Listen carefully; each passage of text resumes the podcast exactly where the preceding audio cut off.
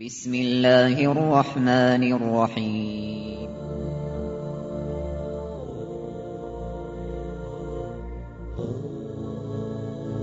الرحمن العزيز الرحيم القوي السلام الكريم العظيم البصير العليم الحكيم الجبار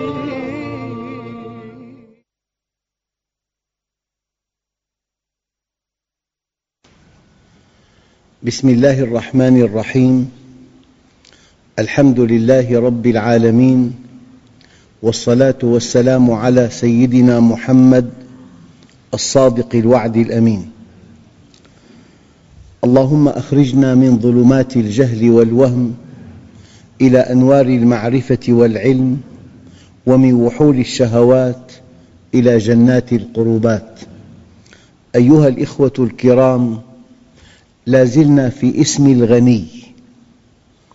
ومن تطبيقات هذا الاسم المتعلقة بالمؤمن الله عز وجل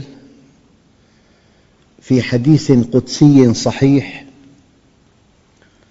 عن أبي هريرة رضي الله عنه مرفوعاً إلى النبي صلى الله عليه وسلم قال الله تبارك وتعالى أنا أغنى الشركاء عن الشرك. من عمل عملاً أشرك فيه معي غيري تركته وشركه. لذلك هناك ذنب لا يغفر وهو الشرك. وهناك ذنب لا يترك ما كان بينك وبين العباد وهناك ذنب يغفر ما كان بينك وبين الله. أيها الأخوة الله عز وجل غني عن الشرك. إن أشركت بعمل غير الله الله عز وجل ترك لك هذا العمل ولم يقبله. العمل المشترك لا يقبله. والذي أشرك بعمله غير الله عز وجل الله عز وجل لا يقبل عليه. العمل المشترك لا يقبله والمشرك لا يقبل عليه. أيها الأخوة معنى آخر من أدعية النبي عليه الصلاة والسلام المتعلقة بالغنى والفقر أن النبي عليه الصلاة والسلام كان يستعيذ بالله من فتنة الغنى. الغنى فتنة. وكان يستعيذ بالله من فتنة الفقر. كاد الفقر أن يكون كفراً وكاد الغنى أن يكون طغياناً. كلا إن الإنسان ليطغى. أن رآه استغنى أي أن رأى نفسه غنياً. أحياناً الغنى المادي يبعد عن الله عز وجل. الغنى المادي يحاط صاحبه بالكبر والغطرسة والعجب وينسى الله عز وجل. على كل من الأحاديث الشريفة التي تقسم الظهر والأحاديث التي تتسم بالواقعية قول النبي صلى الله عليه وسلم بادروا بالأعمال الصالحة بادروا سارعوا فماذا ينتظر أحدكم من الدنيا؟ يعني أولاً هل يمكن أن يستيقظ الإنسان كل يوم كاليوم السابق إلى ما شاء الله؟ مستحيل مستحيل بادروا بالأعمال الصالحة فماذا ينتظر أحدكم من الدنيا؟ الآن هل تنتظرون إلا فقراً منسياً الفقر قد ينسي كل شيء. من هنا قال الله عز وجل أطعمهم من جوع وآمنهم من خوف. وحينما تكفر الأمة قال الله عز وجل ضرب الله مثلاً قرية كانت آمنة مطمئنة يأتيها رزقها رغدا من كل مكان فكفرت بأنعم الله فأذاقها الله لباس الجوع والخوف بما كانوا يصنعون. النعمتان اللتان يسبغهما الله عز وجل على عباده المؤمنين نعمة الأمن ونعمة الكفاية نعمة الأمن ونعمة الكفاية. والعقابان المؤلمان الذي يخص الله بهما من كفر نعم الله عز وجل مصيبة الخوف ومصيبة الجوع. لذلك بادروا بالأعمال الصالحة فماذا ينتظر أحدكم من الدنيا؟ هل تنتظرون إلا فقراً منسياً؟ كاد الفقر أن يكون كفراً. دقق. أو غنى مطغياً. مال. قوة في تعابير يقولها العوام هي الشرك بعينه يقول لك الدراهم مراهم تحل بها كل المشكلات. أعرف رجلاً أنا أظنه صالحاً لكنه أخطأ. فقال مرة في مجلس الدراهم مراهم تحل بها كل المشكلات. فبقي في المنفردة أربعة وستين يوماً. وفي كل يوم تأتيه مئات الخواطر. الدراهم مراهم. أيها الأخوة ماذا ينتظر أحدكم من الدنيا؟ هل تنتظرون إلا فقراً منسياً أو غنى مطغياً أو مرضاً مفسداً؟ هناك أمراض تدع الحليم حيران. هناك أمراض تجعل حياة الإنسان جحيماً لا يطاق. هناك أمراض وبيلة هناك أمراض عضالة. لذلك كان عليه الصلاة والسلام من أكثر أدعيته اللهم ارزقنا العفو والعافية والمعافاة الدائمة في الدين والدنيا والآخرة.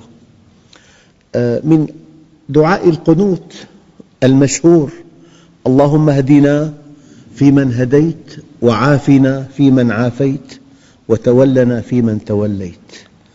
النعم الكبرى كما رتبها الإمام علي كرم الله وجهه نعمة الهدى. وقال العلماء تمام النعمة الهدى ونعمة الصحة ونعمة الكفاية. وإذا أصبح أحدكم آمناً في سربه معافى في جسمه عنده قوت يومه فكأنما حيزت له الدنيا بحذافيرها بادروا بالأعمال الصالحة فماذا ينتظر أحدكم من الدنيا؟ هل تنتظرون إلا فقراً منسياً؟ أحياناً ترتفع الأسعار فجأة أحياناً أنت وكيل شركة تسحب منك الوكالة فجأة. أحياناً تقع تحت عجز مالي كبير. أحياناً تنخفض الأسعار فجأة فتخسر كل ما تملك. هل تنتظرون إلا فقراً منسياً أو غنى مطغياً؟ عد النبي صلى الله عليه وسلم الغنى المادي أحد أكبر المصائب. أو غنى مطغياً أو مرضاً مفسداً أو هرماً مفندا يعني تقدمت به السن رد إلى أرذل العمر يعيد القصة مئات المرات يحشر أنفه في أتفه القضايا ظله ثقيل يهرب منه من في البيت يتركونه وحده في الغرفة لا يحتملون وجوده. يأتي ضيف يتشكى له. الهرم لذلك أيها الإخوة من عاش تقياً عاش قوياً. من عاش تقياً عاش قوياً. إنسان عالم كبير عاش حياة امتدت إلى السادسة والتسعين بكامل قوته ونشاطه. وحواسه الخمس. سئل يا سيدي ما هذه الصحة التي حباك الله بها؟ قال يا بني حفظناها في الصغر فحفظها الله علينا في الكبر. من عاش تقياً عاش قوياً. أنا مرة زرت صديق لي فالتقيت بوالده. قال لي أنا عمري 96 سنة. أجريت البارحة فحوص تامة كاملة كلها طبيعية. قال والله ما عرفت الحرام في حياتي. لا حرام النساء ولا حرام الأموال. من عاش تقياً عاش قوياً. بادروا بالأعمال الصالحة. فماذا ينتظر أحدكم من الدنيا؟ هل تنتظرون إلا فقراً منسياً أو غنى مطغياً؟ يظن الغني حينما ينحرف ويهمل أوامر الله عز وجل ويستعلي ويتغطرس. يظن أنه في بحبوحة هو في شقاء كبير لأنه خسر دينه خسر صلته بالله عز وجل. أو هرماً مفندا. يعني البطولة من طال عمره وحسن عمله. البطولة من ابتعد عن الخرف ثم يرد إلى أرذل العمر لكي لا يعلم من بعد علم شيئا. يعني بالمناسبة هناك حقيقة في الطب. العضو الذي لا يعمل يضمر. فالإنسان حينما لا يستخدم فكره لا يصلي. المصلي يتنشط فكره. أول ركعة فاتحة وسورة ثاني ركعة فاتحة وسورة ركوع وقوف سجود أول سجود ثاني قعود وقوف ركعة الثالثة فاتحة بلا سورة الظهر أربع ركعات العصر أربعة الفجر ركعتين العشاء أربعة المغرب ثلاثة في نشاط دائم يقرأ القرآن كل يوم. يؤدي الصلوات يتحدث عن الله عز وجل. العضو الذي لا يعمل يضمر والإنسان إن لم يطلب العلم إن لم يصلي إن لم يقرأ القرآن هذا الدماغ يضمر يصاب بالخرف لئلا يعلم من بعد علم شيئا. من عاش تقياً عاش قوياً متعه الله بحياته وبحواسه وبسمعه وببصره. لذلك هل تنتظرون إلا فقراً منسياً أو غنى مطغياً أو مرضاً مفسداً أو هرماً مفندا؟ تضعف مكانته تضعف ذاكرته. يعيد القصة يحشر أنفه في كل شيء يتضجر من حوله به. أو موتاً مجهزاً. الموت مصيبة. الموت إن لم يكن على إيمان واستقامة وتوحيد مصيبة كبيرة. نقلة مفاجئة إلى القبر من بيت فخم إلى قبر صغير من زوجة وأولاد إلى وحشة القبر. أو الدجال فشر غائب ينتظر. هناك دجال وهناك أعور دجال. الدجال يتكلم كلاما ويفعل عكسه أبدا.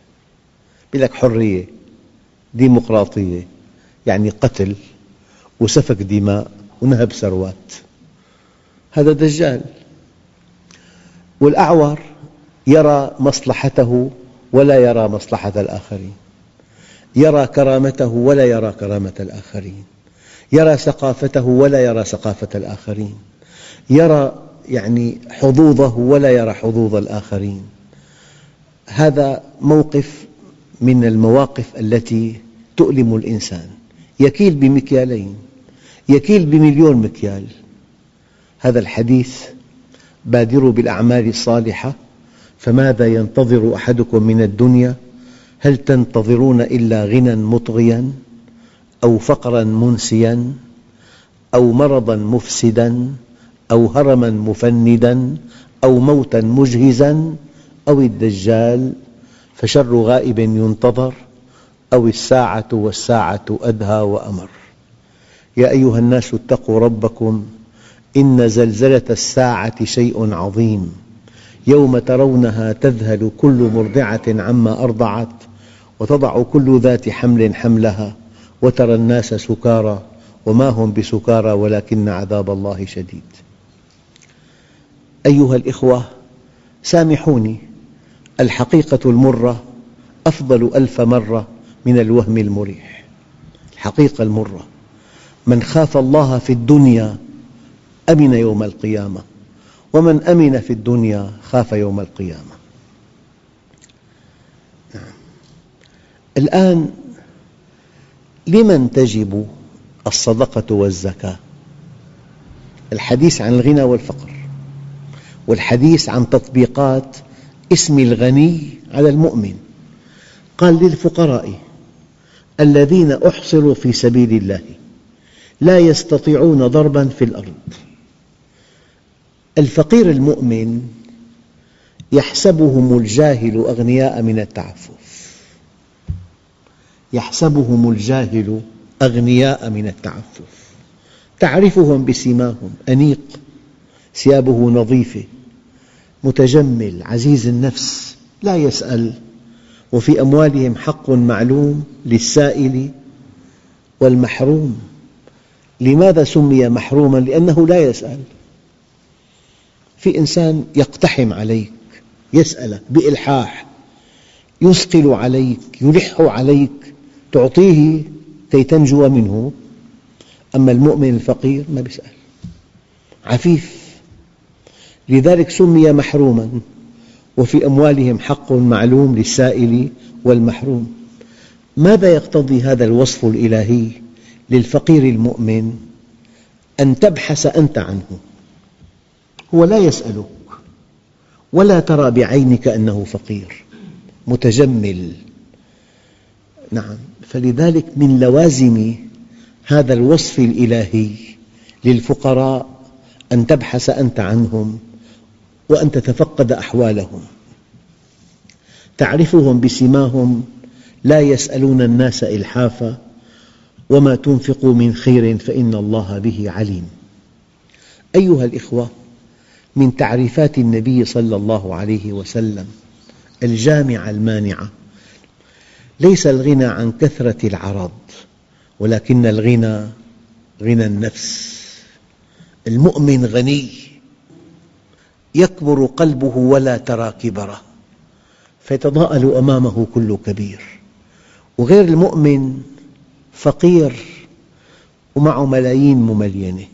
يصغر قلبه ولا ترى صغره فيتعاظم عليه كل حقير. ليس الغنى عن كثرة العرض الأموال المنقولة وغير المنقولة والعملات الصعبة والأراضي والبيوت والمركبات. والشركات والأسهم. ليس الغنى عن كثرة العرض ولكن الغنى غنى النفس. أيها الأخوة كتطبيق لاسم الغني صارخ نقول كلما استغنيت عن الناس شعرت براحة نفسية. وكلما استغنيت عما في أيدي الناس أحبك الناس. كلما استغنيت عن الناس شعرت براحة نفسية وكلما استغنيت عما في أيدي الناس أحبك الناس. شيء آخر قال أحدهم احتج إلى الرجل تكن أسيره واستغن عنه تكن نظيره وأحسن إليه تكن أميره. احتج إليه تكن أسيره. استغن عنه تكن نظيره. أحسن إليه تكن أميره. لذلك من بعض أدعية النبي عليه الصلاة والسلام اللهم لا تجعل حوائجنا إلا إليك ودلنا بك عليك. المؤمن غني غني بنفس أبية. بنفس عزيزة. لا ينبغي للمؤمن أن يذل نفسه. من جلس إلى غني فتضعضع له ذهب ثلثا دينه. لا ينبغي لمؤمن أن يذل نفسه. لا تتضعضع أمام غني ولا أمام قوي. استعن بالله ولا تعجز. اللهم لا تجعل حوائجنا إلا إليك ودلنا بك عليك. أخواننا الكرام الإمام الحسن البصري من كبار التابعين له هيبة كبيرة له مكانة عالية سئل مرة دقق بمن نلت هذا المقام؟ فقال باستغنائي عن دنيا الناس وحاجتهم إلى علمي متى يسقط العلم؟ حينما يحتاج العالم إلى ما في أيدي الأمير وحينما يزهد الأمير بما عند العالم. انتهى العلم. أما حينما يستغني العالم عما في أيدي الناس ويحتاج الناس إلى علمه يرتفع العلم. يرتفع العلم ويسقط. يرتفع إذا استغنى العلماء عما في أيدي الأقوياء. واحتاج الناس إلى علمهم ويسقط العلم يعني من يدعي العلم حينما يحتاج من يحمل هذا العلم إلى ما في أيدي الأقوياء وحينما يزهد الأقوياء بما عند العلماء.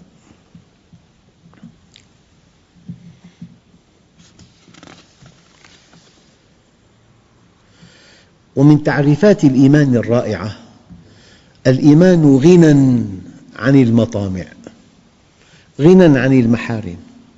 الطمع أذل قلوب الرجال وأذل رقابهم. من الداخل متضعضع ورقبته خاضعة.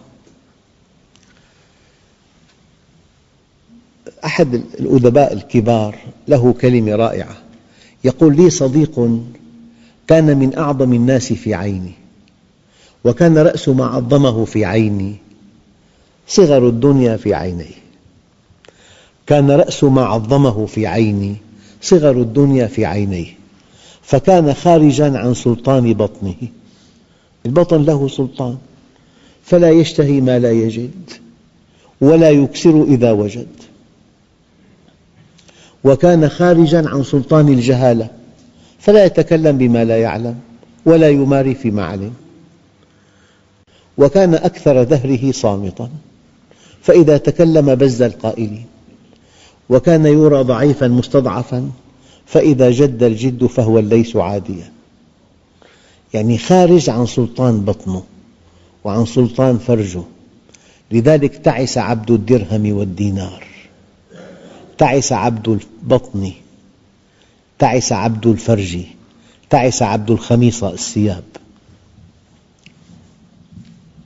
لذلك قالوا خذ من الدنيا ما شئت أخذ بقدرها هما وخذ بقدرها هما ومن أخذ من الدنيا فوق ما يكفيه أخذ من حتفه وهو لا يشعر. وقيل دخلوا على سيدنا أبي عبيدة الجراح وكان قائد الجيش الإسلامي في الشام دخلوا إلى غرفته فإذا فيها قدر ماء مغطى برغيف خبز. وعلى الحائط سيفه المعلق ويجلس على جلد غزال. قالوا ما هذا؟ قال هو للدنيا وعلى الدنيا كثير. ألا يبلغنا المقيل؟